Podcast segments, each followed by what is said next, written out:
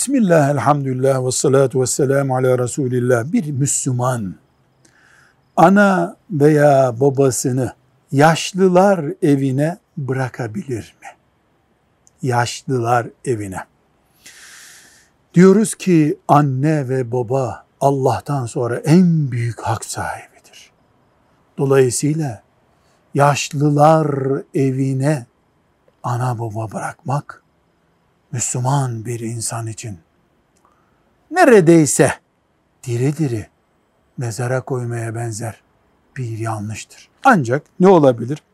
Çocukları, torunları veya bakmakla yükümlü olacak kimseleri kendilerine de bakamayacak kadar aciz durumda olurlar. Ya da hiç öyle bir kimsesi olmaz. Bu insanın yaşlılar evine bırakılması mümkün olabilir.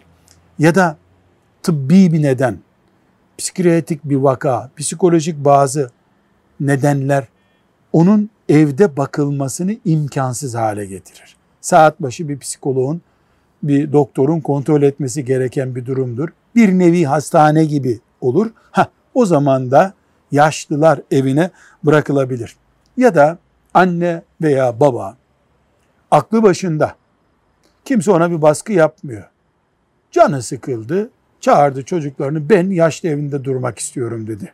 Onlar etme eyleme anne bakamıyor muyuz sana sizle ilgili değil. Orada arkadaş edineceğim ben dedi mesela reşittir. Bu sözü baskı altında değil, gelinleri zulmettiği için değil, öyle istediği için diyor. Emrine itaat edilmesi gerektiğinden dolayı o da yaşlı evine bırakılabilir. Veya öyle bir ortam vardır ki devlet filan yaştan sonrakileri kanunen filan yerde bakmak gerekiyor.